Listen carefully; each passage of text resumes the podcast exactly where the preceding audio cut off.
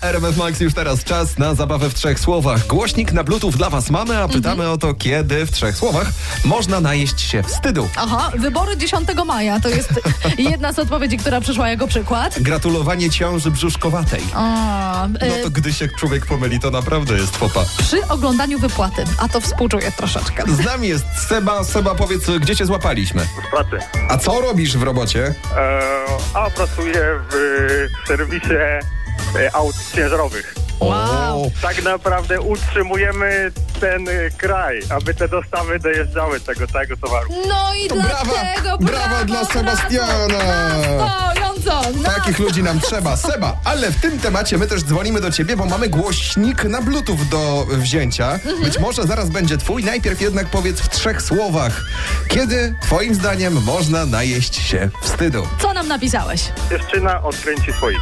Dziewczyna odkręci słoik. A co wtedy, co wtedy mówi facet, Seba? E, że ja na początku go zluzowałem. Tak, tak! Klasyka gatu. To samo z Anią powiedzieliśmy, zanim do ciebie zadzwoniliśmy, że ja tak naprawdę go Ale, ale, poluzowałem. ale ja poluzowałem. Seba, wygrywasz.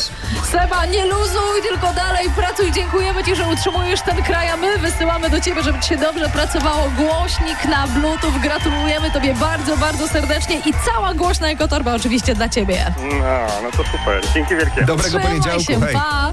No, pa, pa, hej, hej.